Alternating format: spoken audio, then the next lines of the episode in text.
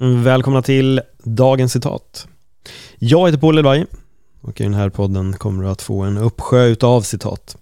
Det har varit väldigt mycket stoiker, nästan bara stoiker. Jag tror jag tog en litet kliv åt sidan där med eh, Epikurus. Sen, är lite, sen tror jag inte jag har klivit utanför stoikerramen men, men eh, jag har ett gäng intressanta citat som eh, ligger och väntar när, när tiden är redo.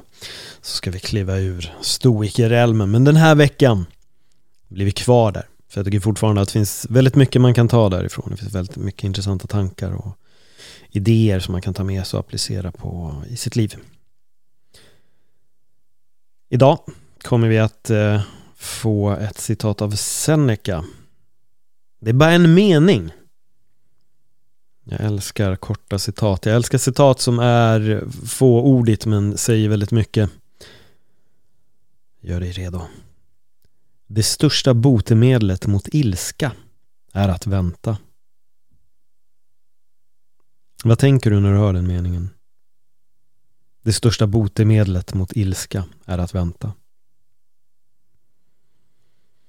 Jag kan ändå tänka mig att på den tiden som Seneca sa just de här orden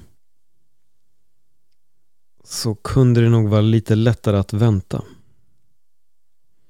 Man kan såklart förhasta sig i sina ord ifall man är i en het diskussion med, med någon.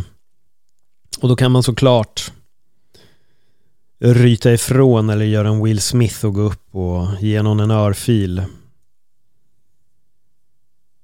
Samtidigt idag så lever vi under en annan tid och vi har sociala medier och vi kan bli irriterade på folk vi inte ens känner.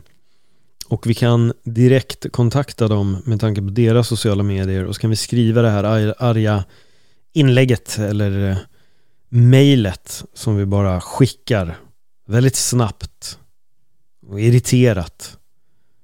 Och dagen efter så kanske vi inte riktigt känner de där känslorna längre. Men då har vi redan skickat ut det, det har redan nått ut och det kanske redan har nått fram till mottagaren också. Det största botemedlet mot ilska är att vänta och, och det är väldigt bra att ibland ta det lite lugnt. Sätt dig och överväg vad det är du vill säga, vad det är du vill få ur dig och så kommer du se att när tiden bara får gå lite så släpper gärna den där ilskan, irritationen som man kan ha på en person. Ibland behöver man bara förvänta lite. Låta pulsen gå ner och känslorna få svalna av lite. Lägga de här störningsmomentet eller ilskan på is en stund. Få ner hettan. Det största botemedlet mot ilska är att vänta. Jag gillar det här väldigt mycket. Jag tycker det är ett otroligt bra citat. Det är ett otroligt bra citat. Och jag tror att det här är ett citat som väldigt många egentligen borde tatuera in på sig själva med tanke på att idag är vi så benägna att eh, göra en massa tatueringar och jag tror att vissa personer som kanske har lite problem med att vänta borde nog kanske tatuera in det här. Att vänta lite. Ta det, ta det lugnt här nu. Gå, gå ett varv runt eh, kvarteret och försök att slappna av. Mm. Vad tänker du? runt just det här. Hur landade de här orden hos dig? Vad fick det dig att tänka på? Är du en person som kanske har svårt att vänta eller är du kanske till och med expert på att verkligen bara vänta ut känslan av ilska? Skriv till mig på Instagram, att dagens citat podcast, så kan vi fortsätta konversationen där. Du får jättegärna kommentera det senaste inlägget som handlar om just det här. Jag brukar lägga upp de här inläggen runt någonstans mellan tre och klockan fem. Oftast så landar de rätt typ vid fyra där omkring skulle jag vilja säga.